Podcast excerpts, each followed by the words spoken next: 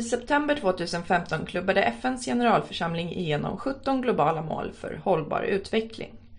Målen är universella och gäller alla länder, även Sverige. I början av 2016 startade regeringen arbetet med Agenda 2030 som målen kallas.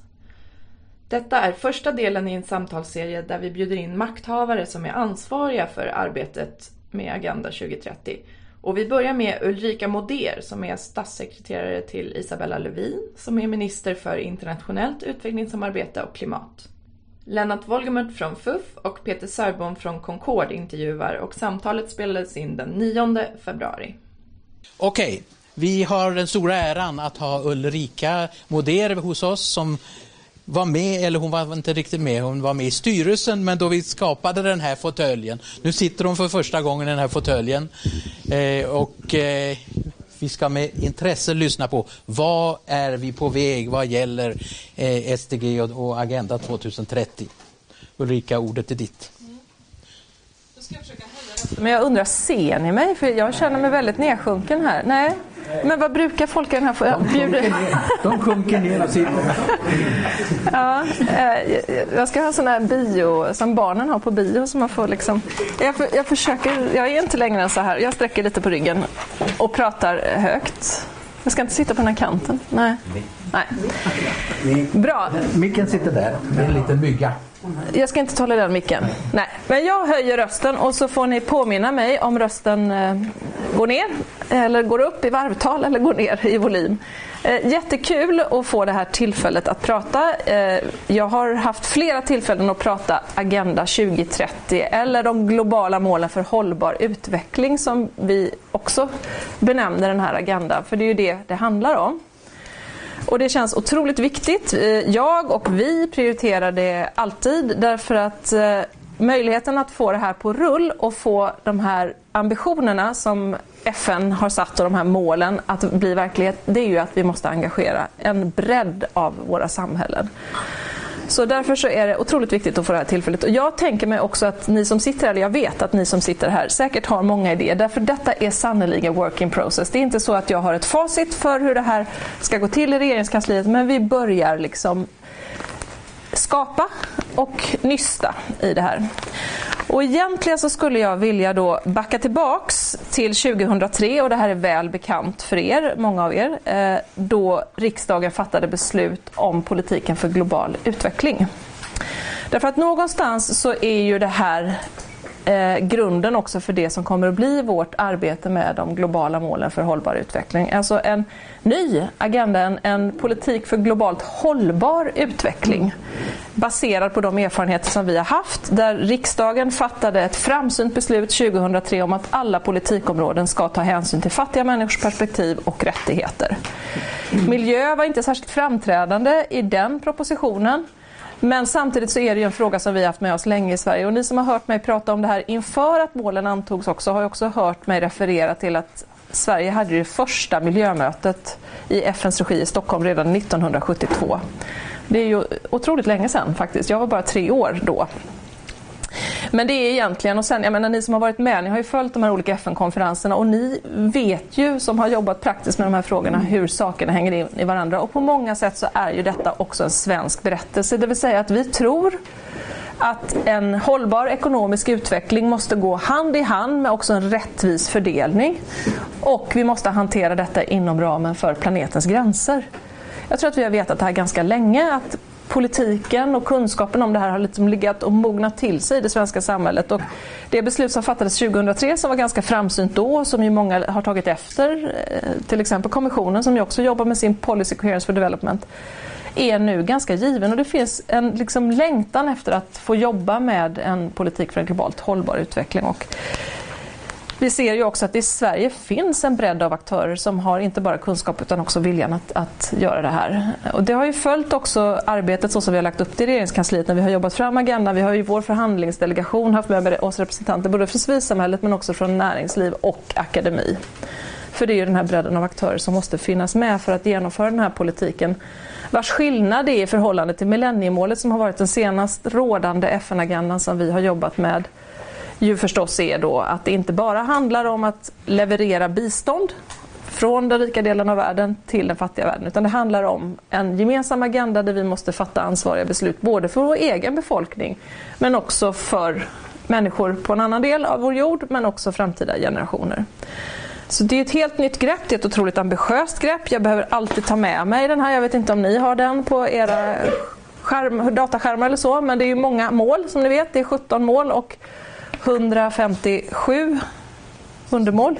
67, 67 undermål. Och därtill så jobbar man ju nu för att få det här att funka och också bli ett system som man kan driva framför sig med indikatorer. Det är ju SCB bland annat, en av våra utmärkta myndigheter som jobbar i det internationella utvecklingssamarbetet som är i New York och jobbar fram eh, det här så att det ska bli operativt och bra. Men lite, jag kör sådär lite översiktligt nu för jag vill verkligen komma till diskussionen och kunna svara på er frågor i den mån jag kan det men också få input till arbetet som jag sa inledningsvis. När vi började titta på det här när vi kom in då i regering eh, för ett och ett halvt år sedan så visste vi att vi ville nystarta politiken för global utveckling och vi såg hur det också skulle bli motorn i vårt eget arbete med att implementera Agenda 2030 eller de nya målen för hållbar utveckling. Så redan då så bad vi alla departement att börja förbereda sig för att skriva fram handlingsplaner. Eh, hur skulle de genomföra inte bara det ansvar som de har att genomföra inom ramen för politiken för global utveckling utan också göra det med sikte på de målområden som vi såg eh, var på väg fram då inom ramen för FN-förhandlingarna. Därför att i slutändan så kommer det att komma ett åtagande där vi ombeds som land att rapportera hur jobbar vi med agendan. Och då ville vi att regeringen och regeringskansliet skulle ligga väl framme och redan ha börjat fundera och tänka på hur man skulle leverera i förhållande till Agenda 2030 och att se att det här var också ett sätt att steppa upp arbetet och göra en nystart av politiken för global utveckling. Det ska väl sägas i det sammanhanget att det finns ju delar av Agenda 2030 där vi hade önskat mycket mer som Sverige. När vi i politiken för global utveckling säger att vi ska ha ett rättighetsperspektiv så vet vi ju att FN inte är så bra på att skriva fram rättighetsperspektivet och demokratifrågorna så tydligt som vi önskar som Sverige. Och därför så har ju vi i vissa delar naturligtvis högre ambitioner än det som anges i de här målen och delmålen. Eh, och det ska vi ju vara klara med när vi jobbar med arbetet. Så att vi satte igång ett sådant arbete. Vi lyfte arbetet med politiken för global utveckling till eh, chefsnivå, på högsta chefsnivå i regeringskansliet för att se till att det fick mer kraft och satte igång en sån här interdepartemental arbetsgrupp det har inte funnits tidigare på den nivån och man har inte heller tagit fram den här typen av handlingsplaner som vi nu begär fram. Då. Biståndsministern har ju ansvar för att samordna politiken för global utveckling och också ansvar nu då för att samordna de internationella perspektiven av Agenda 2030 eller de nya målen för hållbar utveckling. Så det startade vi med eh, förra hösten. Eh, förhandlingarna pågick ju samtidigt och vi drev ett antal frågor. Jag tror att ni har hört det här och ni vet ju också vilka frågor som är frågor som vi driver som profilfrågor. Som vi bevakar alltid jämställdhetsområdet, vi bevakar rättighetsfrågorna väldigt tydligt och vi bevakade också att miljö och klimat skulle få bli en del av den här agendan. Ett tag så stod det där som vi tycker är så självklart och tippade lite grann. Och det är ju den här klassiska relationen mellan utvecklingsländerna, G77-gruppen och den rika gruppen som där de tycker med viss rätt då, och det här känner ni igen från klimatförhandlingarna också, att vi har haft vår, vår fest och spenderat väldigt mycket koldioxid eh, och deras rätt till utveckling måste finnas där. Så det finns ju hela tiden det här rättviseperspektivet i frågorna. Men, men förhandlingarna löpte ju väldigt väl och jag har också sagt här i något sammanhang att det, 2015 var ju på många sätt ett väldigt intressant år därför att i Europa och här i Sverige så kände vi verkligen att vi hade ett tillkortakommande i, i eh, hanteringen av flyktingkrisen som ju eskalerade så tydligt under 2015. Och samtidigt som då vårt eget EU inte visade på någon förmåga att hantera den här situationen så lyckades man ju på multilateral nivå att fatta en rad väldigt modiga och framsynta beslut. Agenda 2030 är ett framsynt beslut. Alltså, det gick betydligt mycket bättre än vad vi hade hoppats på. Eh, finansieringsagendan som togs redan på sommaren eh, innan själva målskrivningarna var på plats, kan man fundera lite över den här ordningen, var också en väldigt, ett bra möte med förhållandevis goda resultat. Och sen naturligtvis i slutet på året så hade vi ju klimattoppmötet och vi fick ett bindande klimatavtal och inte bara det, vi fick också en tydlig insikt från politiska ledare om att inte ens tvågradersmålet egentligen klarar av att vara det tak som krävs för att vi ska just kunna hålla en hållbar utveckling inom planetens gränser. Så att 2015 var ju på många sätt ett, ett framgångsrikt år på multilateral nivå. Men fortfarande liksom i teorin och nu ska det då bli praktik. Och jag sa inledningsvis att Sverige är, är på många sätt är det här en svensk agenda. Jag tror vi känner oss väldigt hemma i de här målsättningarna att ha en ekonomisk tillväxt som också är rättvis eh, och som är inom planetens gränser. Eh, och OECD har också sagt att Sverige, eller bedömt att Sverige är det land som ligger allra bäst till att kunna ta sig an och genomföra den här agendan på ett bra sätt. Och det är då en stafettpinne som vi i regeringen har bestämt att vi ska ta. Stefan Löfven sa i samband med New York-mötet att han ville eh, visa att vi kan det här. Och han eh, skapade också då en kontaktgrupp med nio länder med företrädare för regeringar från alla kontinenterna. Som alla då har sagt att de ska ta hem den här agendan och se hur de kan implementera den i sin nationella planering och också leverera då på de här målsättningarna. Så det känns ju bra, tycker vi då, som också har ansvar för de internationella perspektiven, att vi har ett starkt ledarskap i regeringen, att, eh, att statsministern eh, vill det här och det bådar ju också gott då för att få andra minister, ministrar med på banan. Eh, du ville att jag skulle vara konkret hur vi har organiserat arbetet i regeringskansliet och då är det ju så att Isabella Lövin har i förlängningen av sitt uppdrag med ansvar för politiken för global utveckling också ansvar för då de internationella aspekterna. Så hur fattar Sverige ansvariga beslut som möjliggör för utvecklingsländerna att vandra sin väg mot de här målsättningarna? Eh, hon kommer att samarbeta med alla ministrar i regeringen, precis som hon ska göra i politiken för global utveckling. Det är därför vi hämtar hem de här handlingsplanerna som vi vill nu ska visa att regeringen faktiskt liksom tar steg framåt med konkret handling, visar på målkonflikterna och så tydligare än vad som har gjorts tidigare. Men hon har också då två ministerkollegor utöver statsministern som har det övergripande ansvaret som blir som lite av noder i regeringskansliet. För ibland så tror jag att det har varit lite ensamt för biståndsministern att sitta med det där PGU-fingret i luften och påminna, alltså god hjälp i och för sig då av civilsamhället och andra folkrörelser som är med och påtalar att den här fantastiska politiken finns. Men vi bestämde då att vi behöver ta armkrok med andra delar av regeringskansliet och eh, den kraftfulla delen av regeringskansliet som det är bra att vara kompis med det är ju naturligtvis Finansdepartementet. Och där har vi då en kollega i Ardalan Shekarabi som civilminister som kommer att vara en annan av de här noderna bland ministrarna som ska hjälpa till och liksom få det här lite rostiga maskineriet kring politiken för globalt nu hållbar utveckling och Agenda 2030 att komma igång. Och anledningen till att han har det här ansvaret det är ju att han också är knytpunkten ut i landet med sitt ansvar för kommuner, landsting, länsstyrelser och den bredd av aktörer som också behöver engageras ute i landet. Jag ska återkomma till det, men jag ska bara berätta vad den tredje personen är, för det är då Kristina Persson, framtidsministern. Och eh, hon sitter ju hos statsministern på statsrådsberedningen, så där sitter hon ju väldigt bra och kan påminna honom om att vi har faktiskt förutsatt oss att vara ett av de länder som kan implementera den här agendan. Men det är också bra därför att hon har ju i sin roll att blicka framåt.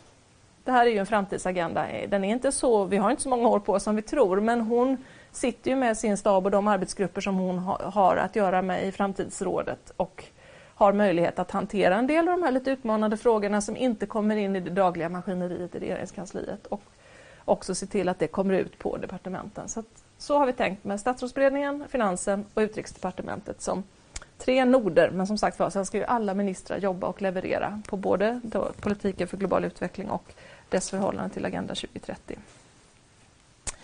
Varför var då Ardalan Shekarabi viktig? Jo, när vi började titta på hur vi skulle organisera det här arbetet så funderade vi lite tillbaks och sådär, de här liksom, ambitiösa FN-planerna, vad blir det av dem? Mycket FN-kritik i luften på senare år. Ja, men så, när man tänker efter så är det faktiskt så att det har blivit en hel del av det. Det är ju inte bara det att Sverige faktiskt har varit en väldigt aktiv spelare i FN-systemet och själva drivit fram barnrättskonvention och annat. Utan vi har faktiskt tagit till oss agendor och gjort verkstad av dem i Sverige. Ett av de tydligaste exemplen på det är ju arbetet med Agenda 21, miljöagendan. Och var blev den då verkstad? Ja, men den blev ju verkstad på lokal nivå i våra kommuner.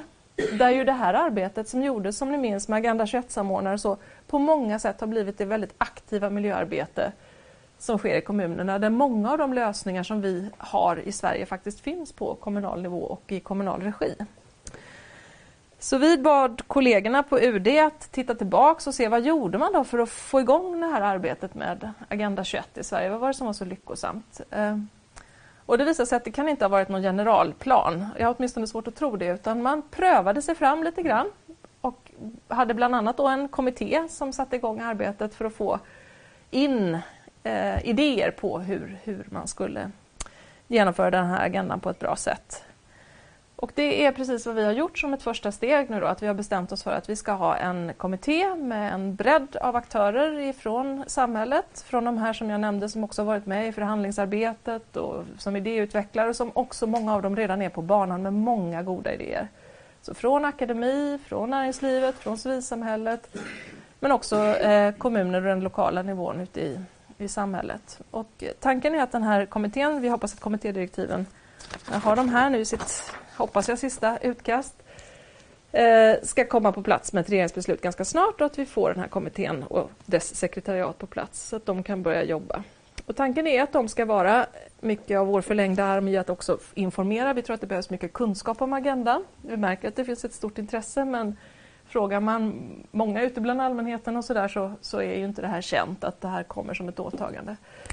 Så vi behöver jobba mycket med informationsspridning men också då att inhämta idéer på hur kan och bör vi jobba. Vi tror att det finns mycket idéer på plats. Vi vet att det finns kommuner som redan nu har tagit sig an agendan och vill jobba både med den då i ett svenskt perspektiv, alltså i Sverige för svenskar, men också i det här internationella perspektivet. Exempel på det här är ju Fairtrade Cities, klimatkommuner, alltså andra typer av initiativ som görs ute lokalt. Så att vi hoppas att, att det här första initiativet ska bidra till kunskapshöjande men också då att vi får idéer och att de här idéerna lämnas över till regeringen så att vi kan också bidra till att sprida. Vi kommer, det kommer spridas också naturligt genom kommitténs arbete. Men det är också så att kommittén kommer att få i uppdrag att säga till regeringen vad vi behöver fatta för beslut för att underlätta, undanröja hinder men också underlätta för att det här arbetet ska vara möjligt i den del som det också är regeringens ansvar att, att göra det. Så det är det första eh, liksom, konkreta steget också för att få igång arbetet riktigt ordentligt. Sen är ju vår förhoppning att många mer kommer att jobba med informationsspridning. Eh, Sida har i uppdrag som myndighet med de resurser som de har att jobba mycket mer med Agenda 2030 som referensram. Eh, och vi kommer nog se mycket mer av det här. Jag var på något startup-möte med eh, UNDPs kontor som jobbar med globala skolan, för er som har mött dem genom åren, då, där man jobbar med den här informationen för gymnasieelever och sådär. Och jag tycker att det är otroligt viktigt, för jag tycker att vi måste fästa blicken både vid konkreta mål men också vid tron på att vi kan göra någonting åt att förändra de saker som tonar upp sig som enorma problem. Det är en väldigt hoppfull agenda. Ibland tänker jag att det är liksom lite som en pillerburk med liksom medicin för att ta tag i saker och ting och inte bara beklaga sakernas tillstånd utan att vi verkligen kan göra väldigt mycket av den här agendan och att Sverige borde vara väl rustade. Och när man tycker att saker och ting är problematiska och tunga så är ju ingenting tror jag egentligen bättre medicin än att kavla upp ärmarna och se till att man, att man börjar jobba med det här. Jag kan bara se att vi har en bredd av aktörer som är engagerade i egentligen alla de här målområdena och som söker kontakt och vill vara aktiva. Regeringen kommer vara en aktiv del av det här men vi kommer också att vara lyhörda och verkligen se hur kan vi underlätta för alla andra som behöver vara aktiva för det här. Lite anekdotiskt, men jag var till exempel ute för er som någon som har kontakt med Ericsson i deras showroom där de presenterar sina resultat för hur det går för företaget och så. De har ju byggt upp det utifrån hur de ser att IT-teknologi kan bidra till de här hållbara målen. Många av våra svenska företag ser ju och hoppas på att eh, hållbarhetsfrågor och sådär verkligen ska kunna vara en nisch för svenska företag. Att man ur ett rent, inte välgörenhetsengagemang utan ett rent eh, liksom, affärsintresse ser att, att här kan vi nischa oss och bli en, en aktör som blir relevant i någonting som man hoppas ska vara det som är efterfrågat i framtiden. Och det är ju jättekul att se att det är många olika sorters aktörer med i arbetet. Mm. Man kan ju prata jättemycket om liksom, målen i sig och sådär men det var väl så att ni ville veta mest om hur vi ska organisera arbetet. Du får guida mig. Ja, eh, du har inte nämnt eh, hur ni praktiskt arbetar. Nystart PGU, vad gör ni nu? Vad Jag är näm- nästa steg? Ja, precis. Jag nämnde ju det här med handlingsplanerna som vi då har begärt in från alla departement. Och det är lite, och som då ska förhålla sig också till eh, Agenda 2030 så att vi liksom får in departementen i det här tänket redan nu. Sen kommer ju indikatorerna kopplade till delmålen i mars, tror vi. Och sen kommer ju FN att rulla ut ett system för rapportering så att det kommer vi gå ut till departementen igen för att se hur de kan uppdatera. Anledningen till att vi bad om handlingsplaner nu var också att vi har lovat riksdagen att vi ska lämna en skrivelse eh, för vårt PGU-arbete. Det har gjorts på vartannat års basis också från tidigare regeringar. Eh, och den skrivelsen ska lämnas i juni. Så att det blir ju liksom ett första eh, ja, exempel på hur vi jobbar med eh, arbetet. Men som sagt var, handlingsplanerna är första gången som, som eh, vi har tagit fram då att vi lyfter diskussionen till chefsnivå. Eh, Jag tror att, ja, jag har sagt någon gång på något annat möte, det är lite som att här, dra igång ett lite rostigt maskineri. Jag vet inte om det är någon som jobbar på RK här som har men det är lite olika erfarenheter. Man har, den här agendan finns någonstans i bakhuvudet. Frågorna tror jag är mer och mer bekanta för människor, förstår att vår politik påverkar liksom andra människor och människor i vår framtid och sådär. Men det är inte alltid top of mind och uttolkningen av politiken för global utveckling är lite olika på departementen. Så vi har också jobbat mycket med våra liksom, interna informationsportaler i regeringskansliet, lagt ut liksom, informationsfilmer, uppdaterat informationsmaterialet om vad är politiken för hållbar utveckling, hur hänger det här ihop med Agenda 2030 och försökt jobba med mycket informationsspridning i RK. Men sen sker ju tolkningarna på lite olika sätt och jag kan ju notera att ibland så kanske det har varit en livaktig diskussion även uppe på politisk nivå i de politiska ledningarna. Ibland är det kanske mer av en tjänstemannaprodukt som har stämts av lite snabbt gissar jag med någon statssekreterare och sådär. Men det kan ju vara både bra och dåligt. Det kan vara väldigt duktiga tjänstemän som skriver fram bättre förslag än vad politikerna skulle gjort eller så har man inte fått den här riktiga spänsten i det. Så att jag tror att det kommer bli lite, bland, min gissning är att det kommer bli lite blandad vara. Men det är ändå ett steg framåt. Så PGU-delen som då är under eh, eran eh, ligger alltså under UD och biståndssidan. Den är alltså, där kommer man att fortsätta. Det blir en ny skrivelse. Den kommer att presenteras eh, när? I juni. I juni. Och den kommer att presenteras till riksdagen och där kommer ni då försöka att, att återuppliva och eh, även ta in en del av, av eh, men vad övriga åtaganden som Sverige måste göra enligt, enligt eh, Agenda 2030? Kommer det skrivas liknande sammanfattande skrivelser och kommer de att göras då av Finansdepartementet?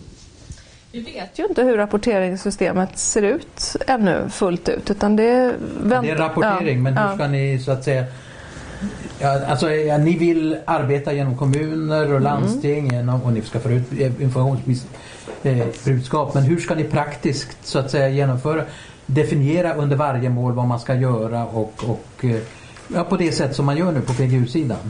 Du menar i den svenska, I den svenska politiken, politiken. för Sverige? Ja. Ja. Det är budgeten det, alltså årliga budgeten. Ja, det, det, det hoppas jag. Det var en av tankarna med att jag skulle också engagera finansen i det här. Så att, eh, det har vi inte sett ännu, eh, men det är ju en fråga. Och det, vi kommer ju också vänta nu på att den här kommittén kommer att föreslå. Det har redan kommit upp sådana här förslag. Eh, när vi hade startmötet så var det flera sådana förslag eh, eh, på Folkets hus här för några veckor sedan om att det här borde införlivas i budgeten. Så att, det kommer kanske inte till budgeten 2017 mer än kanske på ett mer övergripande plan men sen hoppas jag att det är inne i maskineriet och till kommande år igen.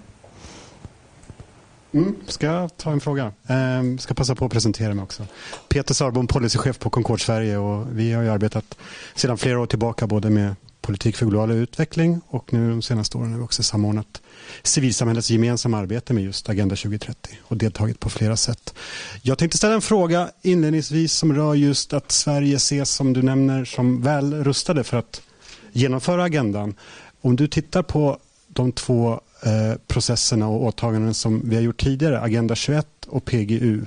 Om man ska vara konkret där och säga en sak vardera vad vi ska undvika givet de erfarenheter vi har och två konkreta saker vad vi ska ta med oss givet de erfarenheterna som vi har av Agenda 21 och PGU. Vad skulle du ta upp då? Mm.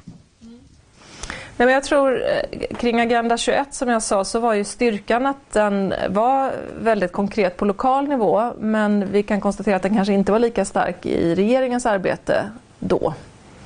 Så att, och här gäller det verkligen att få alla delar att hänga ihop eh, så, i den mån man kan. Att jag tror att det behövs. Och därför har vi också sagt att det är viktigt att den här kommittén rapporterar till regeringen vad man ser att regeringen behöver göra både för att underlätta agendan och genomförande men också för att undanröja hinder.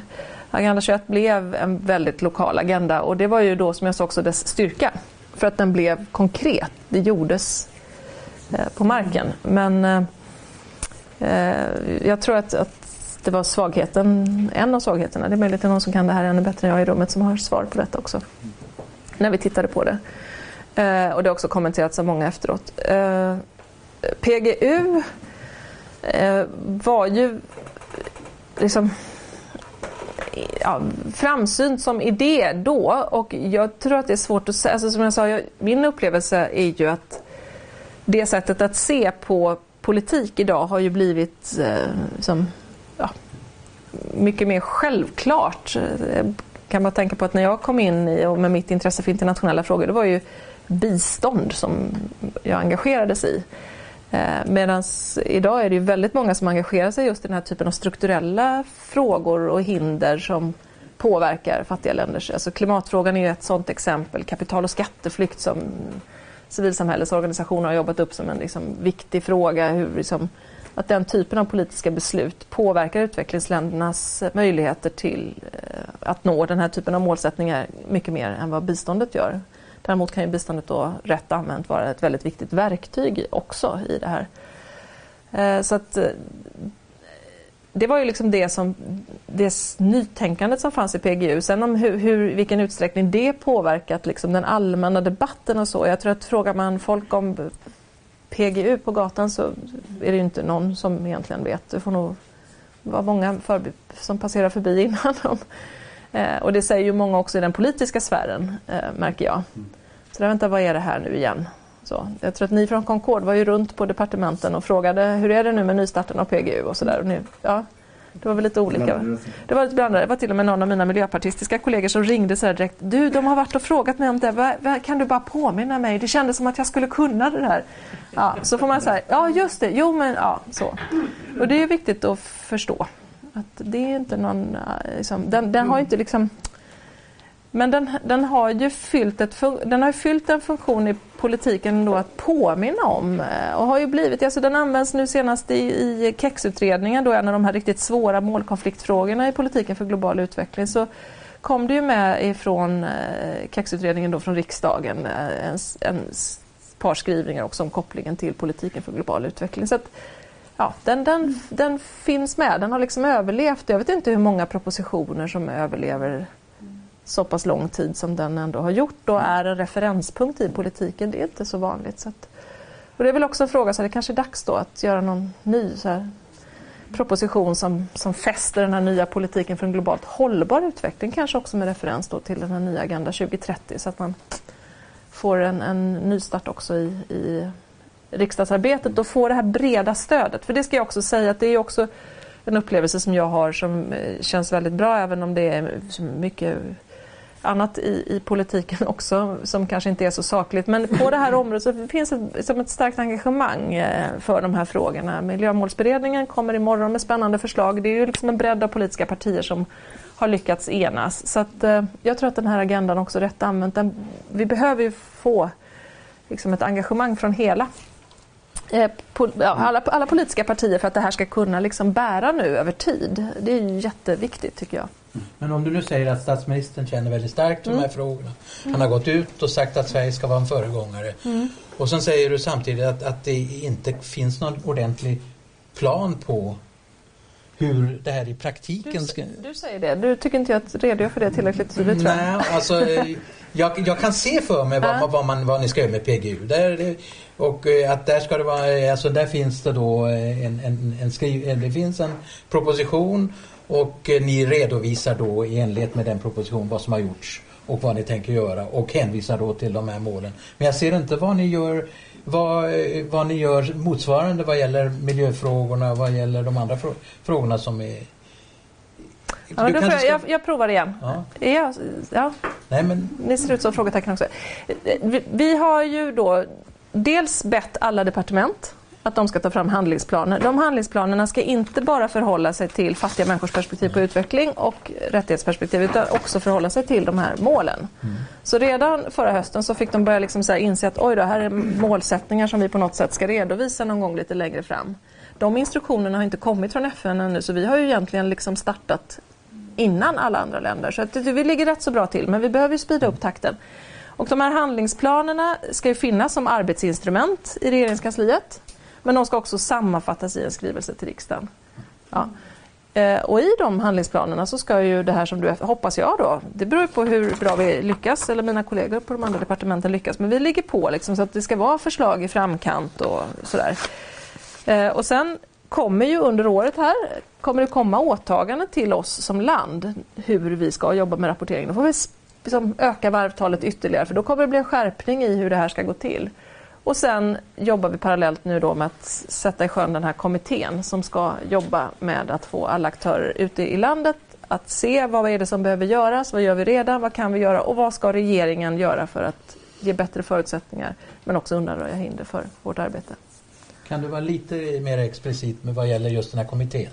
Hur, alltså det är en kommitté mm. består av ett antal eh, ledamöter mm. och vad exakt, du, du har ju nu jag har de här. Ja. Ungefär, du sammanfattar. Ja, ja. Vad är det man ska göra? Ja, det är en kommitté som ska bestå av någonstans mellan fem och sex eh, ledamöter, förtroendevalda, som ska representera då en bredd av de här samhällsaktörerna som har varit engagerade hela vägen och som vi vill ha med oss för att kunna genomföra det här. Eh, som sagt då, akademi, näringsliv, civilsamhälle, kommuner till exempel ska, de ska också ha förtroende, hoppas vi att vi ska kunna engagera namnkunniga personer som, som människor liksom engageras av och har förtroende för. Eh, och att de också, man ska få en känsla av att de inte bara representerar de här sektorerna utan också de representerar de här tydliga perspektiven på hållbar utveckling. Alltså ekonomisk hållbarhet, social hållbarhet och miljömässig hållbarhet. Sen kommer de ha ett litet kansli som jobbar med kommittén och där vill vi ha ett gäng som är duktiga informatörer. Vi tror att det här blir endast möjligt om man just först kommer ut och förklarar det här på ett tydligt sätt och lyckas engagera människor. Så att det är bra kompetens på att nå ut med information om vad det här är för att sen kunna då fråga människor ute i landet i de här olika sektorerna. Vad gör vi? Vad kan vi göra? Och vad behöver regeringen eh, göra för att det här ska bli möjligt att leverera på? Och sen ska de då rapportera till. De kommer att ha kontinuerlig kontakt med regeringskansliet med de här tre noderna på Finansdepartementet, på Statsrådsberedningen och på Utrikesdepartementet. Eh, men de ska ju också då leverera en konkret produkt till regeringen som, som oberoende kommitté om hur de tycker att vi ska hantera den här frågan. Mm. Eh, jag tänkte följa upp med en fråga som visar sig vara viktig i sådana här sammanhang. Och det gäller ju finansieringen av hela agendan. Och du pratade om konferensen i Addis Abeba. Och om man går ner på nationell nivå och tittar på erfarenheterna av PGU så har ju utvärderingar visat att flera departement och även ministrar ser genomförandet av PGU från deras håll eh, som något man gör med biståndsmedel. Så att man fortsatt ser det som att budgeten eh, för PGU-arbetet finns i utgiftsområde 7. Eh, hur undviker man det denna gång och hur kommer Agenda 2030-genomförandet konkret spegla sig i budgeten så att ägarskapet för respektive departement och de olika aktörerna blir bättre givet att PGU ändå eh, har visat på den erfarenheten? Ja, det är svårt att undvika och jag tror inte heller vi ska undvika det ärligt talat fullt ut. Därför att jag tänker att eh, om vi med våra biståndsmedel kan göra insatser som växlar ut viktiga politiska beslut i Sverige eller på internationell nivå som just bidrar med resurser till genomförandet av den här agendan, då har vi använt biståndspengarna väl. Alltså då maximerar vi vad vi gör.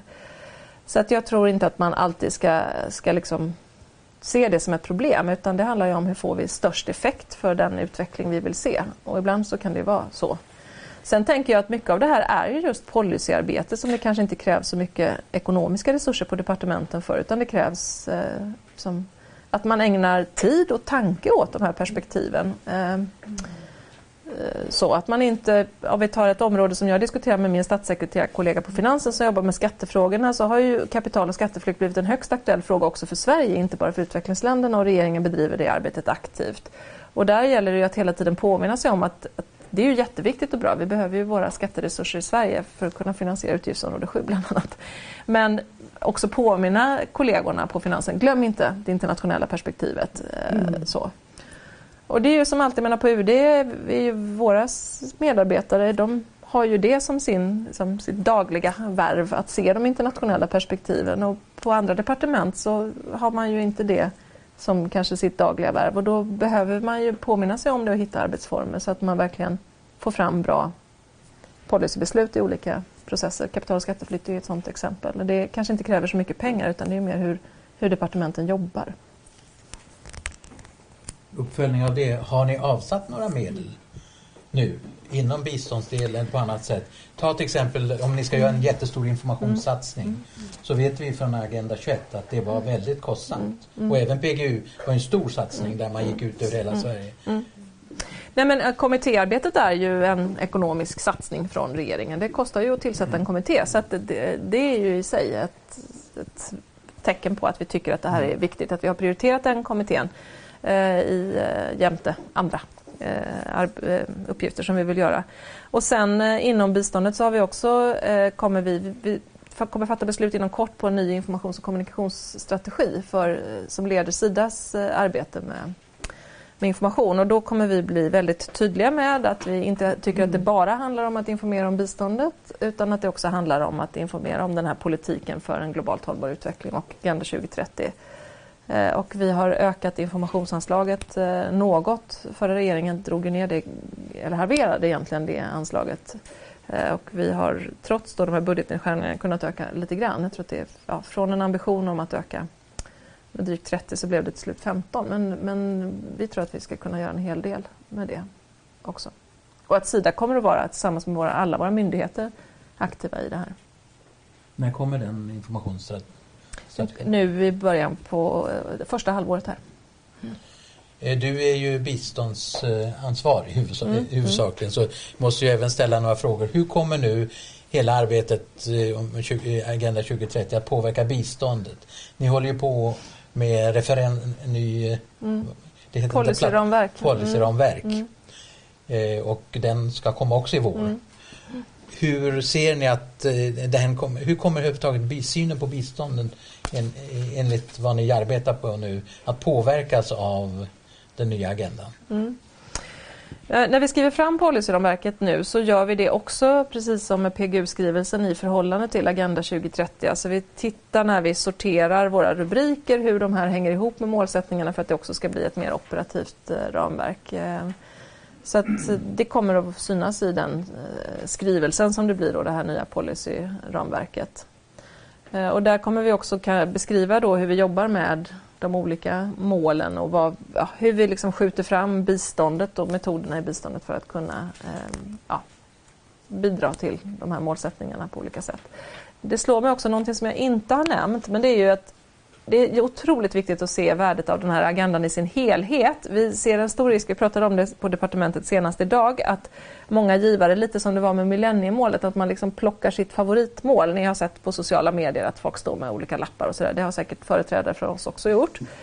Eh, det är svårt att stå med 17 lappar samtidigt, så kan man ju förstå dem. Men eh, risken med det är ju att det blir liksom, vi ser, vi ser ju stora problem i hela den internationella givarstrukturen för biståndet nu, att det blir otroligt fragmentiserat. Ni har följt det här över tid, men nu är det verkligen på väg åt fel håll i rask takt. Alltså, eh, trots att vi vet att kärnstödsbidrag eh, till multilaterala organisationer är det allra mest effektiva sättet att använda pengar, så många av dem som har varit våra like-minded i det här går ju nu på projektbidrag. Så att vi tror att det kommer kunna bli mycket av det här att man ska mobilisera pengar för sitt eh, favoritmål och sådär. Och där känner vi också som Sverige, apropå att vi känner särskilt ansvar, att som, hur hanterar vi det här också? Hur hanterar vi det här kopplat till vårt arbete med Fit for Purpose och hur hela det multilaterala systemet och biståndet också ska bidra på ett bra sätt. Så det är en jätteviktig metodfråga. Alltså hur, hur, det här är ett momentum för FN och andra delar, också bankerna som ska förhålla sig till utvecklingsbankerna till det här.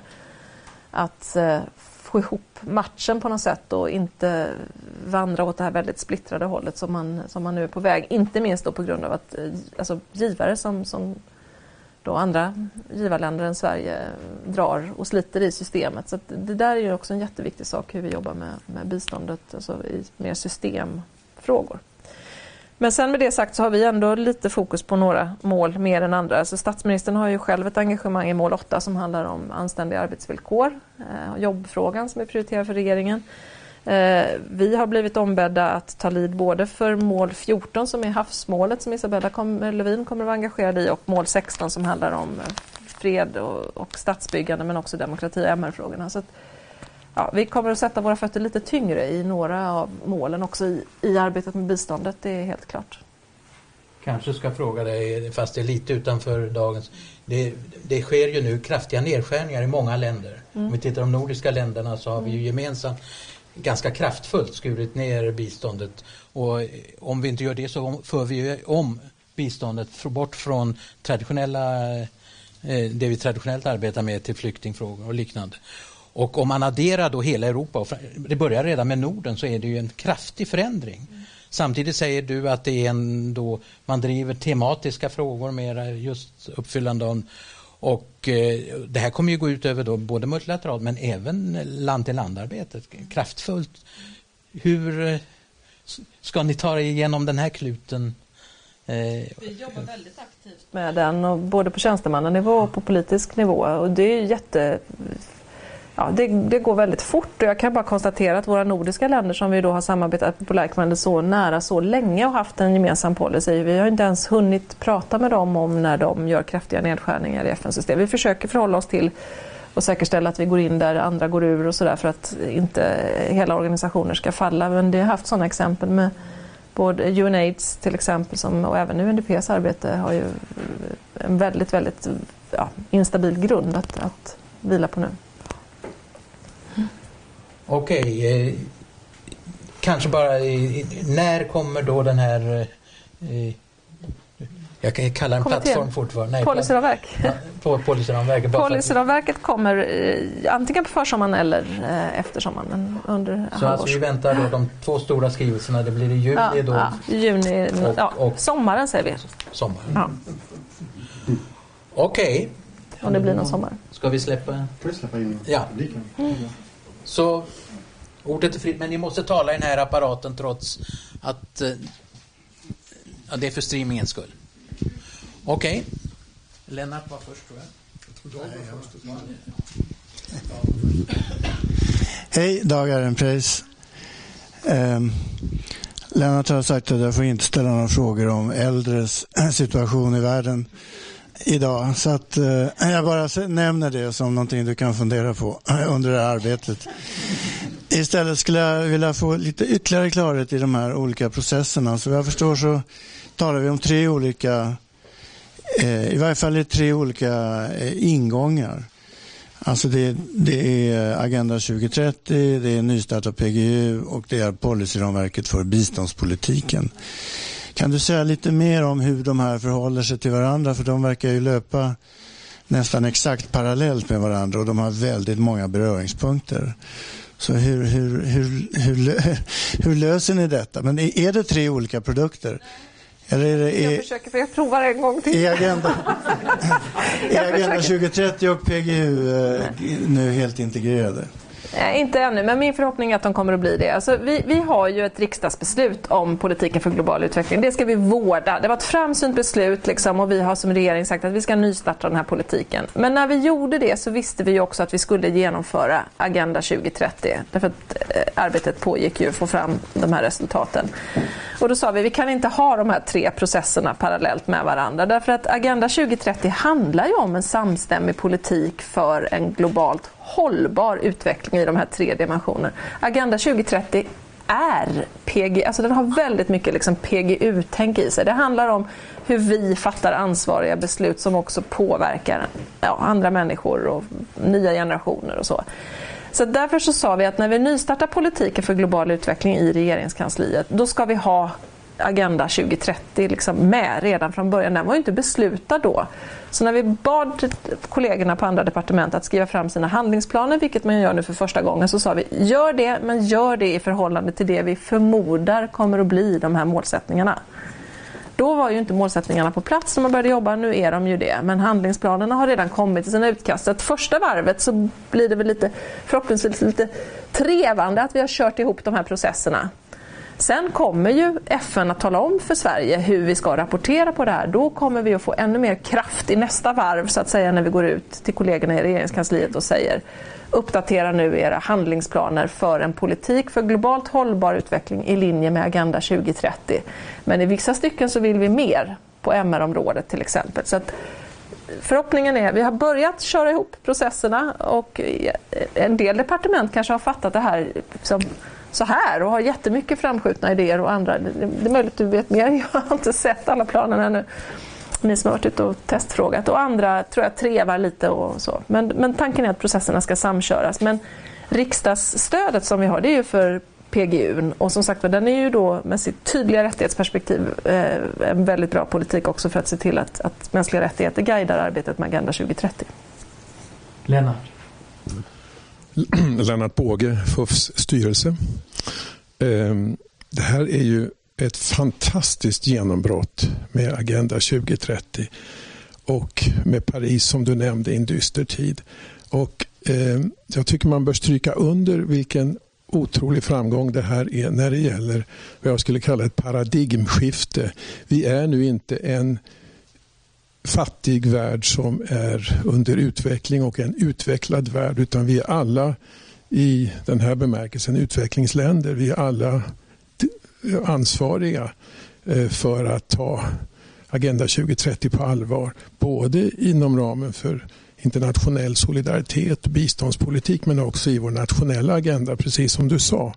Och det, är ju, det är ju fantastiskt att tänka sig att viktiga mål för politik i Sverige, för Sveriges utveckling, är accepterade, att de är tagna av FN. Att det är in, sker inom biståndet, utvecklingssamarbetet.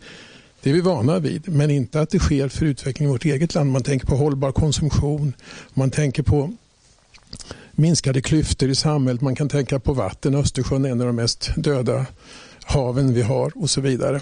Och då, då, då har jag några frågor och reflektioner kring det. För det första, hur ska man hantera det här development och UNDP och alla sammanställningar där ordet utveckling eller development finns med är fortfarande liktydigt med uländer.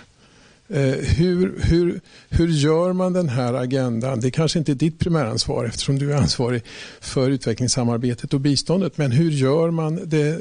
Hur får man så att säga, tydlighet i det nya utvecklingsbegreppet som rör alla länder där vi själv också har ett ansvar? Och hur kan man dra nytta av OECD som ju rapporterar kring och driver policyutveckling i DAC kring hur vi sköter biståndet som lika länder. Men också att, vi, att man följer upp därifrån när det gäller hur vi själva tar den här agendan eh, i vårt eget land. Och Jag tror också att civilministern Ardalan Shekarabi behöver väldigt mycket stöd och tankar från eh, dig och dina kollegor. För att eh, Vi har inte gjort det här i Sverige tidigare. Vi har bara gjort det inom ramen för utvecklingssamarbetet men inte för vår egen utveckling. Så det, där finns tror jag väldiga behov av samarbete och, och också upp peer learning. Och ett förslag är ju att han, som han redan har fått, är att bjuda in sina kollegor när man väl har utsett ministrar i andra OECD-länder så att du får, du får OECD att på allvar följa upp det här. Inte bara inom utvecklingssamarbetet utan också inom, förlåt, inom, eh, inom, inom de, de egna länderna. Eh, och sen en, eh, en reflektion från Agenda 21 som jag var med i väldigt mycket från, i det, då på den tiden från UDs räkning. Någonting där man skulle kunna ge pengar som jag tror får väldigt stor utväxling det är att när det väl blir fart på Agenda 2030-arbetet och det kommer ju vara väldigt olika olika kommuner. En del kommer att vara ambitiösa och göra saker.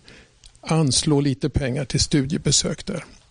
Från ambassader i Stockholm, från olika länder, från andra kommuner och så vidare. Så att man kan se konkret hur man decentraliserat på kommunnivå genomför delar av Agenda 2030. Det var väldigt effektfullt tycker jag, i Agenda 21. Seeing is believing. Eh, sen en sista fråga. Indikatorerna kom ju nu i mars, men sen ska de ju genom en politisk process och antas av generalförsamlingen i höst.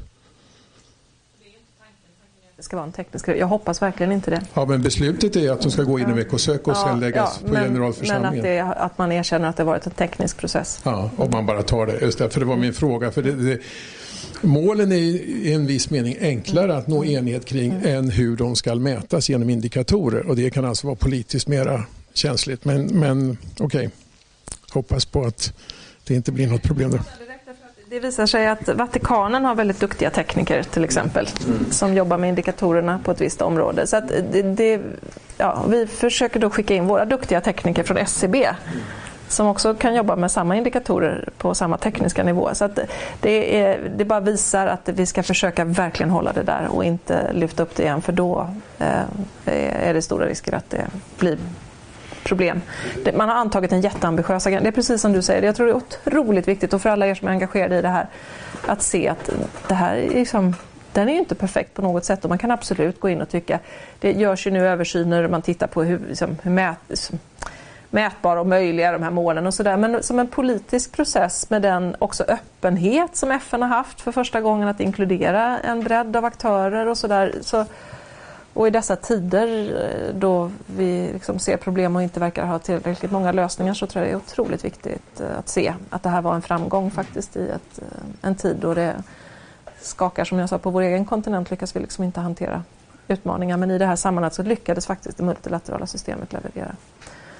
Däremot så kan jag då med din fråga vad gäller det här med utvecklingsbegreppet UNDPs roll eh, Ja, men alltså, man kan ju hoppas på att UNDP också kan då vara en aktör i Sverige och i någon mån också följa upp det svenska arbetet. Alltså nu när vi har sagt så här, kom och titta på oss, för då, det är utmanande också, men vad gör ni då?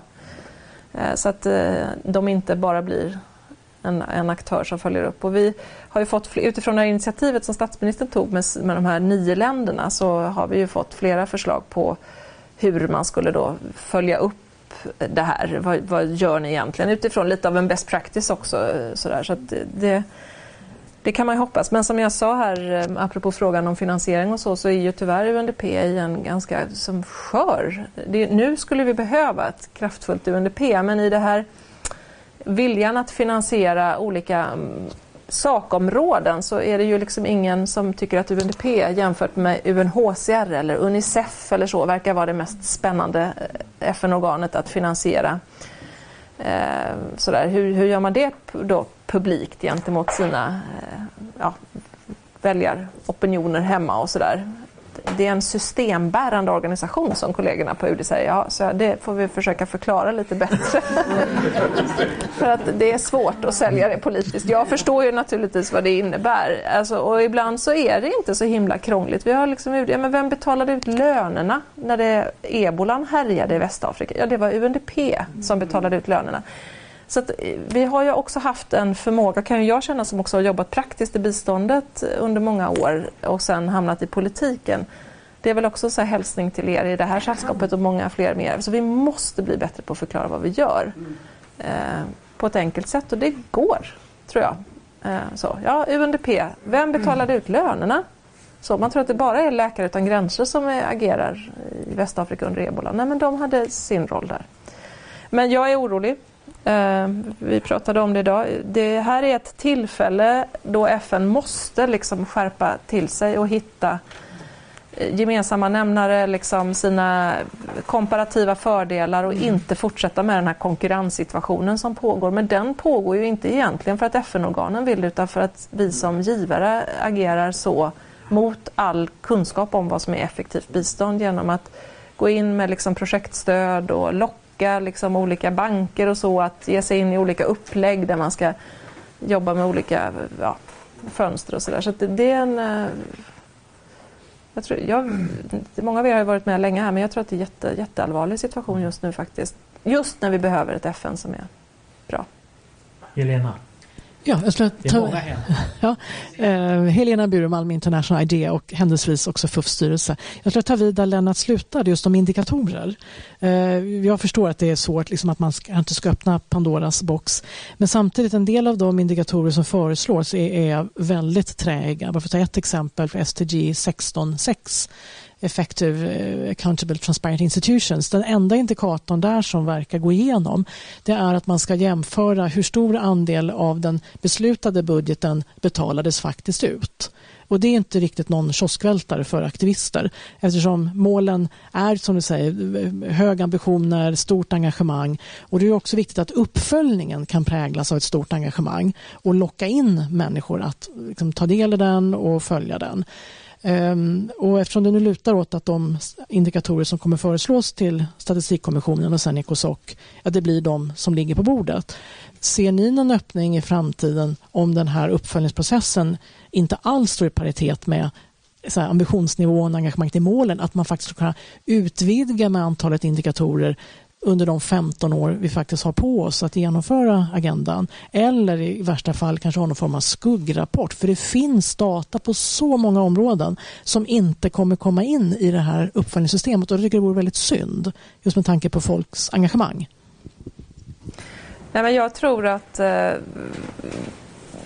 ja, dels så pågår ju faktiskt revidering. Jag vet inte om just de här delen, du verkar kunna det här, följa den mycket närmare än vad jag gör. Men jag spelar in till mina kollegor på UD och till de som, som i sin tur kan också ta SCB, tipsa SCB och sådär när ni ser saker. Det pågår ju just nu så det kan ju vara så att det finns, fortfarande finns möjligheter.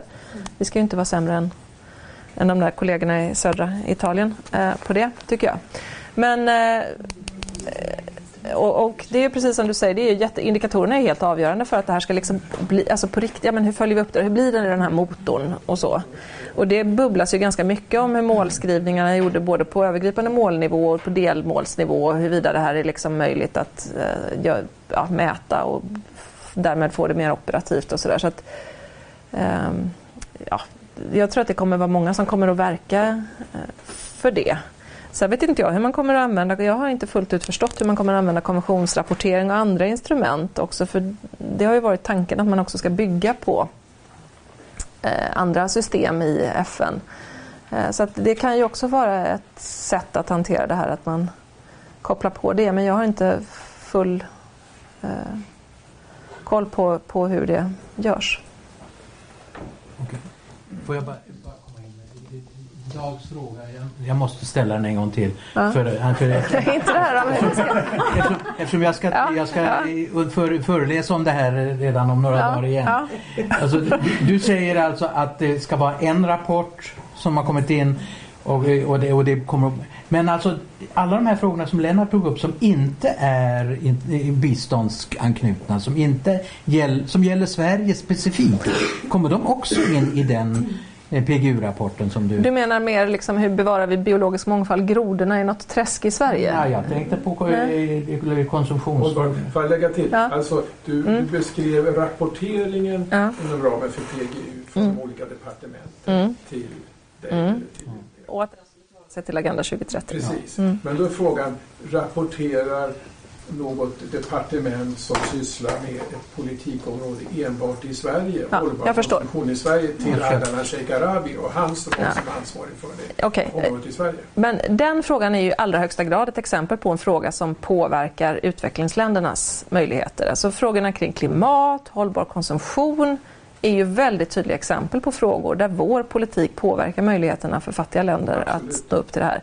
Så att min förhoppning är att alla de frågorna som handlar om beslut som påverkar andra länder eller i det här, ja, utvecklingsländers eh, möjlighet till att leverera på den här agendan. Typ hållbar konsumtion, klimatfrågan som exempel. De ska in i de här planerna. Däremot kan det finnas frågor som handlar om Ökad biolog... är en annan sån, om du tar klyftorna i samhället. Ja. Den kan man då säga är mer svensk. Ja. Och, det finns ju internationella dimensioner av den och det finns svenska. Sen kan det finnas, inte vet jag på biologisk, det tror ju ni bara för att jag är miljöpartist, jag kan jättemycket om det här, det kan jag inte. Men biologisk mångfald, kan det väl finnas frågor som inte påverkar liksom den globala sfären men som påverkar den svenska ambitionen kring de målsättningar som har att göra med miljö och biologisk mångfald. Det ska ju då hanteras av Shakarabi och eh, hans eh, rapportering i så då finns det en tredje, då finns en tredje process som Dag tog upp. Som gäller de frågorna. Ja, han tog upp i och för sig. Ja. Mm. Ja, men jag, då, jag, jag känner... Ja, precis. Ja. Nej, men det... det, det ja. Ja, det, det, det, det inte, ligger inte på mitt eh, bord egentligen faktiskt den delen i första. Utan jag känner jag har fullt upp med att vi ska fatta ansvariga beslut för resten av världen. Så att jag, men jag får ha lite koll på det, så att, hur de jobbar med det. Men ni får bjuda in honom eller ja, någon därifrån nästa gång. Ja. Mm. Tackar, tackar. Jag heter Karin Olofsson och är generalsekreterare för, för en organisation som heter Parlamentarikerforum för små och lätta vapenfrågor. Eh, och är här från forumet tillsammans med vår fantastiska praktikant Alva här vid min sida. Och vi samlar parlamentariker från 90 länder, just nu 240 stycken i hela världen. Och vi jobbar ju då med målsättningen att, att begränsa, att både att förebygga och minska tillgången till vapen, speciellt små och lätta vapen, som är ett stort utvecklingshinder. Eh, och Ja, eh, min fråga rör detta med finansieringen för att liksom kvarhålla oss lite grann vid det. Och speciellt när det gäller det här unika historiska mål 16 då som vi tycker är fantastiskt att det finns nu och att det, att det är universellt. Och vi kommer att också att eh, jobba stenhårt eh, fokuserat eh, kring det målet eh, både, både lite nationellt eh, och internationellt. Och vi planerar också ett, ett seminarium med riksdagen eh, i mitten av april som ska också relatera till det målet och parlamentarikers roll. Så det är väldigt stor potential kring det. Men hur ska finansieringen ske? Hur ska det riggas lite mer konkret? För jag tror att även om hela Agenda 2030 är viktigt, finansieringsfrågan är övergripande är viktigt, men speciellt kanske när det gäller det, det starka politiska momentumet kopplat till det här målet som ändå är nytt och som Sverige också har drivit på kring och som du behöver samlas lite extra kring för att ge liksom reella förutsättningar till alla oss som vill bidra med vår kompetens eh, och erfarenheter. Så att jag skulle vilja höra lite konkretisering kring det. Och jag vet att du refererar till att mycket kan göras ganska billigt, alltså policydialog. Och det gjorde också biståndsministern när jag tog upp det på ett tidigare FUF-seminarium. Då hänvisade hon också till att mycket handlar om politisk vilja. Absolut, det gör det ju självklart, det är ju basen. Men, men budgettilldelning och finansiering, det är en indikator på politisk vilja. Och det är liksom högst praktiskt och konkret. Eh, så att jag skulle gärna vilja höra lite konkretisering kring det. Tack. Jag tänker att det finns två delar i det. Det ena är ju att vi också eh, gör en, vi inte bara avkräver handlingsplaner från våra kollegor på andra departement utan vi gör också en handlingsplan på UD när jag fick den först tänkte jag vad tunt det här var för jag trodde det var liksom den sammanfattade handlingsplanen men sen mm. insåg jag att nej, men vi ska ju också göra en, en, handlingsplan på UD. Det känns ju rimligt när vi avkräver av alla andra. Kan man tycka, är det, det är inte självklart att vi jobbar med de här frågorna på UD? Nej men det är ju inte det utan vi behöver också titta på vad ska vi göra i främjandet? Vad ska vi göra i säkerhetspolitiken? Och där kommer ju frågorna kring små lätta vapen till exempel och andra typer av frågor som vi behöver liksom sådär. Men hur, hur hur, hur steppar vi upp då på det här området? Då? Det är mina kollegor på utrikessidan som har huvudansvar för de delarna och eh, skriver fram idéer på hur vi ska bli bättre på det arbetet på UD också som en del av den här handlingsplanen. Alltså UDs egen handlingsplan. Vad gör vi i främjandet och handelspolitiken även om den nu då delas med näring. Det är ju en annan organisation än vad det var tidigare med handelsminister. Och vad gör vi på säkerhetspolitiska området och kopplat till nedrustningsfrågor och den här typen av frågor. Så att, och där behövs det också pengar som i utgiftsområde 5 då, som det heter för att de ska kunna bedriva det arbetet, eh, vilket de ju kämpar för också i, i budgeten. Eh, men, men det handlar ju väldigt mycket om ett internationellt arbete, att lyfta de tjänsterna och så där i förhandlingar, eh, då att ha prio. Så att, ja, det kommer synas i den handlingsplanen som vi tar fram internt på UD. Men sen gör vi inom biståndet, och det här syns i budgeten också, ett och i våra budgettexter ett, har vi ett särskilt fokus på den här frågan. Därför att vi har sett då att antalet krig inte ökar men väl antalet konflikter i världen och det här är ju så otroligt välbekant för er med alla dessa människor som tvingas på flykt eh, på grund av detta. Och att vi behöver bli bättre i biståndet också på att jobba med konfliktförebyggande arbete. Ha bättre fokus på det här som en metodfråga. Sida har fått i sin instruktion som myndighet men också i regleringsbrev och det här syns väl i budgettexter. Ett tydligt uppdrag på att bli bättre på att jobba mm med de här frågorna som handlar om konfliktförebyggande men också freds och statsbyggande. Och vi har sagt att vi ska ha ett fokus. Vi har bibehållit medel i de regioner, lite, alltså Mellanöstern har vi haft fullt värnat i, trots då de här nedskärningarna som gjordes nu med ytterligare avräkningar.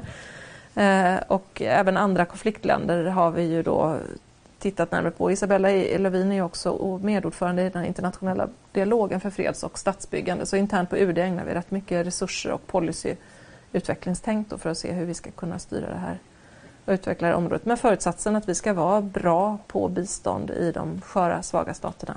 Eh, Och jag har fyra eller fem stycken som har anmält sig så jag sätter streck där för att vi ska hinna. Men du var först, varsågod.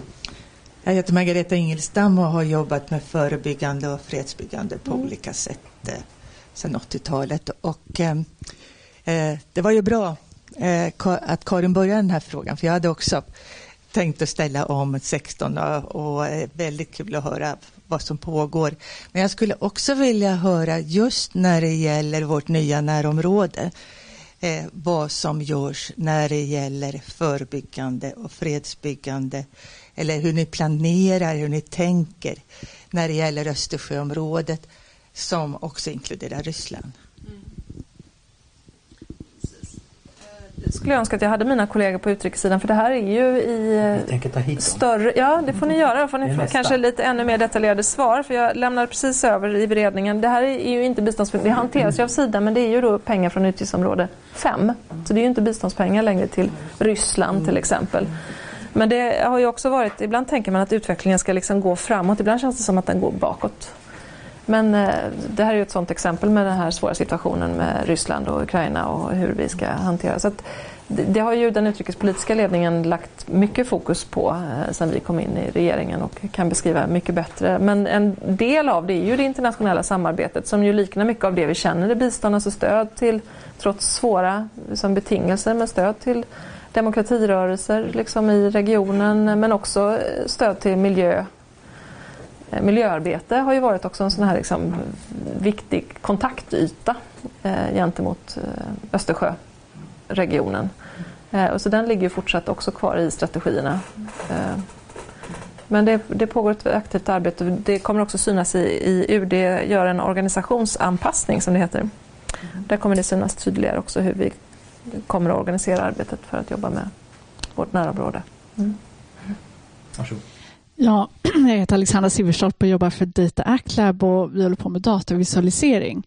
Eh, väldigt eh, nära kopplat då till SDGs uppföljningen av SDGs. Och jag skulle ställa en fråga hur du ser på Sveriges roll inom ramen för Stefan Löfvens eh, initiativ, liksom Call to Action, där Sverige tillsammans med nio länder ska vara i framkanten eh, vad gäller 2030-agendan. Och eh, Det tycker jag är jättebra, det är jättepositivt men jag kan också känna viss oro för att det finns många andra länder som är, har kommit otroligt långt fram. Vi är nu i dialog med flera utav länderna i den gruppen och, och eh, så sent som i eftermiddags med colombianska regeringen. De eh, har redan analyserat hela sin budget, hela sin utvecklingsplan, sorterat ut exakt, eh, kopplat den till eh, alla målen, sorterat vilka indikatorer som de kan följa upp på etc. Så att de, Tanzania också, Tanzanias regering har liksom kommit med en förfrågan nu om att eh, bygga en plattform för att visualisera det här och kunna tracka SDG. Så att de är ju jättepå och kommer träda fram eh, här i samband med FNs generalförsamling och presentera det här. Och hur ser det då på Sveriges roll eh, där vi har tagit initiativ till det här och, och inte bara komma efter, halka efter i den här processen? Och det vill säga kort, vad gäller de här signalerna från FN hur det här ska följas upp. Det, det finns redan väldigt starka skrivningar i både i eh, Addis-dokumentet och 2030-dokumentet om hur att uppföljning ska ske på nationell nivå årligen och det, det finns principer för detta ska ske. Så det, det, är ju känt och det har varit känt en tid och det är det de här länderna har liksom sneglat på och gått, gått vidare med. Tack. Ja, men det är alldeles utmärkt tycker jag. det ska vi inte beklaga att andra länder, jag har varit i Colombia och de berättade för mig att de skulle eh, lägga in det här i sin nationella utvecklingsplan. Det är något som jag använder som argument också när jag vill driva de här frågorna internt i, vårt, eh, i vår regering. Men jag tänker att det har att göra med också det som Lennart sa, alltså vi är inte vana vid, alltså så här har det varit också med mänskliga rättigheter. Är det en agenda? Ska vi ha ett MR-institut i Sverige? Är det som, men vi, vi kan ju det här redan. Vi behöver väl inte så, utan det är ju någonting som vi ska peka finger och tala om för andra hur de ska göra. Så jag tror att det här kommer ta en liten tid. Vi tycker att vi är så bra på allting, eller det mesta redan. Eh, innan vi har insett att nej men, alltså många av de här utmaningarna har vi i vårt eget land. Växande klyftor är ju ett problem i vårt eget land. Hur hanterar vi det i Sverige? eh, ja, vi har ju så många nya utmaningar att ta tag i och problem att lösa. Så att jag, jag känner mig inte så eh, Orolig vet jag inte, det kan man väl vara. Men, men som, vi måste, det är därför jag sa att vi får stänga av mickarna. Alltså, vi måste jobba på här nu och få folk att engagera sig och förstå att det här är en, en möjlighet. Så Sverige, de facto så ligger vi ju i praktiken bättre till än både Tanzania och eh, Colombia måste jag säga. Som känner båda de två länderna rätt så väl. Men jag tror att, att ska vi liksom föra politiken framåt, ja men då ska vi inte sitta förnöjda och tro att, att vi är som ja, men, men jag menar, vår politik ligger ju väl till jämfört med Colombia har ju, ser ju inte så bra ut i deras statistik vad gäller klyftor i samhället till exempel. Det är en av grundorsakerna till den här svåra konflikten som man hoppas att de nu äntligen kan lösa här under våren. Och Tanzania har ju mycket, enormt mycket utmaningar också. Så det är bara att gratulera dem och det är väl alldeles utmärkt att de kan komma eh, då. Stefan Löfven kommer ju möta de här länderna så då, det är väl jättebra att de kommer dit och säger haha, vi har liksom redan. Det visar ju på hur den internationella dagordningen också inte är så given som den alltid har varit. Och att vi behöver vara bäst i klassen och den som talar om för andra hur de ska göra utan att vi faktiskt också har någonting att lära av, av andra länder. Så det, det, det blir kul att se vad han säger då. Jag tänkte bara, det gäller alltså kommunikationen. Mm. Vad, vad deras regering har mm. sagt att de ska försöka nå och hur mm. att de mm. eh, kommer låta sig liksom mätas och följas upp. Mm. Eh, sen har de långt mm. att nå till, till målens genomförande mm. Men, men, att men vi också, det är flera som har hört av sig eh, till Jeffrey Sachs gäng har hört av sig och sagt att de vill mäta och följa upp. Så vi, vi vill gärna, vi utgår från att vi kommer att ha ett aktivt civilsamhälle som kommer att driva på och, liksom jaga oss framför sig. Så att eh, vi låter det, bring it on. Det behövs för att det ska bli verklighet. Varsågod. Jenny Kolstelager heter jag och arbetar på Sidas multilaterala enhet eh, och policyavdelning med Agenda 2030 bland annat. Eh, och min fråga, du var inne på det lite det här eh, uppdraget som Sida har fått. Eh, och jag eh, läser i vårt regleringsbrev att vi också ska anpassa och förbereda den egna verksamheten för genomförande av Agenda 2030. Och nu är det en så stor och bred fråga, men skulle du kunna utveckla det? är min fråga till dig. Hur du ser på Sidas roll i detta arbete? Eh, ja, alltså när vi ger Sida i uppdrag så tänker vi att det finns mycket kunskap på Sida förslag på. Det är därför vi inte heller detaljerar. Hade vi vetat exakt hur det skulle göras så hade vi inte bett Sida att komma med förslag till oss. Så det är väldigt bra dynamik tycker jag i regeringskansliet att man inte tror att man har, men som politiker har man ju idéer men, men hur det ska göras är ju väldigt bra att man lyssnar in aktörer. Men, men om jag ska föreslå, jag ser fram emot att Sida kommer att själva föreslå hur det här ska gå till och vad man ser att man har för roll. Men, men jag ser ju flera roller. Vi var inne på det här, så jag säger att Sida som myndighet är ju väldigt väl rustade och eh, på tå tycker jag i att, att jobba med det här som jag tror är helt nödvändigt, nämligen den breda informationsspridningen. Så kan man tycka att det här ska inte bara vara då, som Peter var inne på, en biståndsagenda och ska Sida liksom, ta lid för det. Ja, men jag, jag jag tror vi måste, liksom, eh, vi som jobbar med internationella frågor, vi måste liksom ta det här jobbet nu och få det här på plats liksom, och baxa det framför oss lite grann. Så där tror jag Sida har en jätteviktig roll i informationsarbetet som jag nämnde tidigare. Eh, I det här arbetet som jag pratade om med systemfrågorna med det multilaterala som ju du jobbar med eh, så har ju ni väldigt mycket multibistöd. Där behöver vi jobba mycket tillsammans mellan departementet och Sida för att se till att, att hela det multilaterala systemet kan leverera bättre och där är ni en otroligt värdefull resurs för att ni ser ju till skillnad från UD hur det multilaterala systemet levererar i länderna. Mm. Eh, och det är ju jätteviktigt. Jag är ju med på en årlig dialog med UNDP till exempel och då sitter jag ju med eh, underlag från Sida där ni beskriver hur det funkar med Fit for Purpose, alltså att UN ska, eh, FN ska samordna sig mm. i länderna. Och det var, första året då när jag gjorde det så var det otroligt intressant att se hur, hur otroligt viktigt de tyckte att det var, apropå uppföljning som vi har pratat om här. Mm. Liksom sådär, att, att höra, men hur uppfattar Sverige och Sida som är en sån betrodd liksom, aktör internationellt vårt arbete i fält? Levererar vi? Är vi fit for purpose? och sådär. Så det är de här system, information, systemfrågor men sen också då hur vi använder bistånd som verktyg för att jobba med de här målsättningarna och där regeringen då har tydliga ambitioner på det här målet kring freds och statsbyggande, eh, decent work-agenda som nämnt och sen eh, naturligtvis miljö och klimatagenda och jämställdhet som ju med den feministiska utrikespolitiken är en, en given fråga. Så att, eh, ja, några tankar men ser fram emot era förslag. Mm. Jo, jag vill komma tillbaka till något som du har nämnt i, i olika sammanhang och även då koppla lite till vad civilsamhället gör och har gjort. Eh, som du nämnde så är eh, rättighetsperspektivet och mänskliga rättigheter något där Agenda 2030 lämnar en hel del att önska, att det inte är så starkt som ni skulle vilja. Och du beskriver också att där har vi en stabilare grund i politik för global utveckling jämförelsevis. Och du nämner också att det eh, inte alltid nödvändigtvis är finansiering det, det handlar om för departementen utan eh, policyförändring och en ambition att förändra policies. Eh, och med det så vill jag också kroka i det du sa att vi eh, kanske eh, har fått eh, vissa intryck av att eh, träffa de olika departementen. Och just under hösten nu mellan september och december så har vi träffat sju av departementen med olika sammanslutningar av civilsamhällesorganisationer för att just diskutera hur de kan bidra till eh, att uppfylla ett eller flera av Agenda 2030s mål och politik för global utveckling. Och då där vi ser någonting där det återstår en hel del arbete och det blir som ett medskick till dig och du kan gärna få kommentera redan nu. Det är just att eh, man har en bristande förståelse av vad fattigdomsperspektivet, rättighetsperspektivet och jämställdhetsperspektivet får för konsekvenser när de tar fram eh, politiska beslut.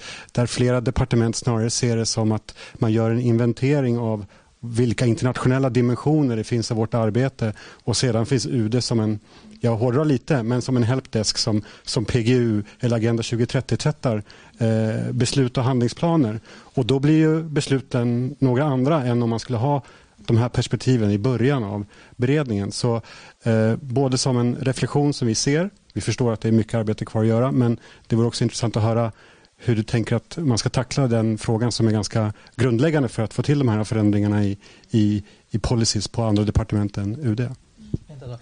Kan du tala om också hur Concord kommer för, fortsätta att följa upp med barometern och liknande aktiviteter, även eh, Agenda 2030? Mm. Absolut, jag kan eh, nämna vad vi kommer göra på, på så att säga, kort och medellång sikt. Vi har ju sedan 2006 och sedan PGUs tillblivelse producerat barometrar som är civilsamhällets sätt att utvärdera Eh, och tycka till om, om genomförandet av politik för global utveckling. Vad som återstår att göra, hur man hanterar känsliga målkonflikter eh, och eh, vissa tematiska områden som vi uppehåller oss vid. Eh, nästa barometer kommer nu att släppas under våren inför att regeringen eh, presenterar sin skrivelse. Och den barometern, apropå Lennarts fråga, blir lite av en brygga mellan en traditionell utvärdering av PGU som vi känner till den och en brygga med vad som behöver förnyas och uppdateras för att bättre relatera till Agenda 2030 och, och Addis Abeba överenskommelsen kring finansiering. Så det är vårt sätt där vi ser att vi fortsatt har ett bidrag att ge. Att peka på de känsliga frågorna med civilsamhällets expertis, visa på vägen framåt på, med konkreta rekommendationer på såväl tematiska områden som rekommendationer kring hur andra departement i högre utsträckning kan få in agendatänket och PGU-tänket i sin verksamhet. Så det är bara något som vi vill beskriva vad som händer kring eh, PGU Agenda 2030 under våren. Mm.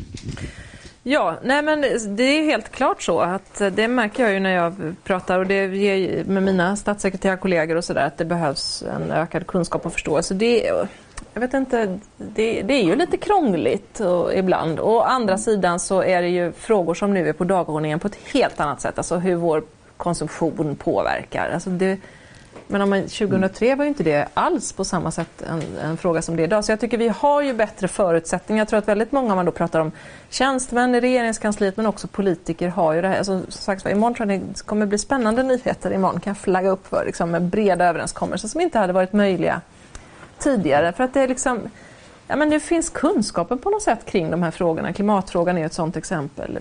Andra frågor. Så att det, det, jag är ändå förhoppningsfull för att jag tror att, att många människor idag ser det här.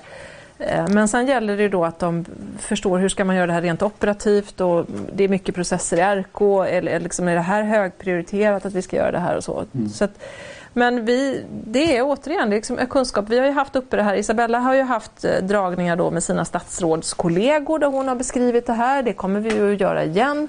Jag har haft det på samma sätt med mina statssekreterarkollegor och sen kommer jag att följa upp här nu igen. Jag tillsammans med då Ardalan Shekarabi och eh, Kristina Perssons statssekreterare kommer göra det alla tre nu. Liksom, så det inte bara blir då, nu står hon där hon är statssekreterare för biståndet, utan liksom, hallå, oj, nu står det liksom, vi får placera oss strategiskt där runt det här långa statssekreterarbordet så att vi liksom ringar in dem på något bra sätt. Sen har vi då som jag sa, vi har lagt ut informations, uppdaterat informationsmaterialet så att det ska finnas uppdaterad vägledning till alla tjänstemän. Och det gäller ju att de plockar upp det då på RKs webb och hittar dit och så.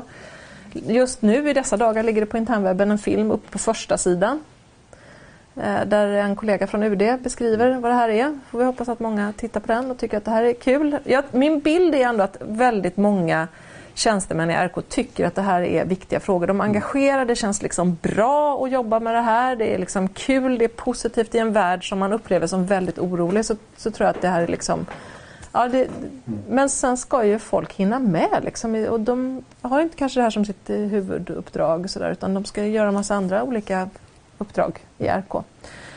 Så att, eh, ja, vi, vi, som, sakta men säkert så får vi jobba på. Och jag, det är jätteviktigt att, att ni ligger på och upp, både, tror jag, lite, det behövs både piska och morot i det här systemet. Så att, eh, ja, berömma det är någonting som ändå tar ett litet steg framåt. Och sen, jag har ju inte varit i RK tidigare men det är, liksom, det är ett fantastiskt men också ganska trögt maskineri. Och sen ibland går det väl fort kan man ju också tycka. Men, Ja. Ulrika, du ska ha stort tack. Det var eh, förvånansvärt ändå att vi kunde få så mycket praktisk och konkret information. Vi, det finns ju en del luckor kvar och, eh, som, som kanske ännu inte är utredda riktigt. Men det är som du säger en process, som en pågående process. Och eh, jag hoppas alltså att eh, det är många här. Det finns alltså till exempel, skulle ha sagt det, en representant från en av gymnasierna i Stockholm som har väldigt bra samarbete till exempel med Zambia.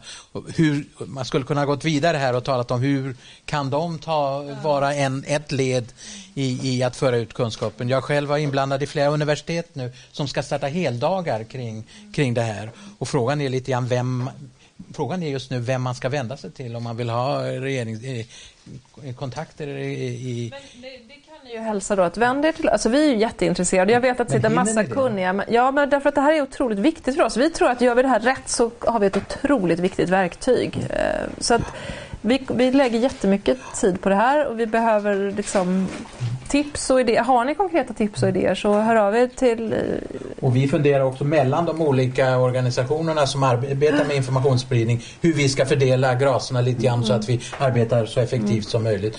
Och eh, så att eh, det finns anledning att återkomma. Vi kom, IFUF kommer alltså fortsätta försöka och, och föra den här typen av diskussioner och vi har faktiskt tänkt på att ta hit Annika mm. Söder nästa gång mm. för att tala om, för det är en väldigt stor bit som ligger i just hur vi för ut mm. Eh, de här mm. SDG-frågorna internationellt. Alltså, mm. du nämnde ju säkerhetsfrågorna men mm. det är ju alla, alla tänkbara frågor och hur ska vi arbeta och hur man arbetar inom UD på det. Så att, och det är kanske ett område där de inte har tänkt själva riktigt färdigt heller ännu. För, Alltså kopplat med SDG mm. kopplat med... Mm. Ja, jag tror SDG har vi ju haft liksom lite lid på men det, ni får ta hit Annika och så se om hon stämmer överens ja. med det som jag har sagt. Okej, okay, vi tackar dig så hemskt mycket för att du gav dig tid. Tack för tillfället. Tack.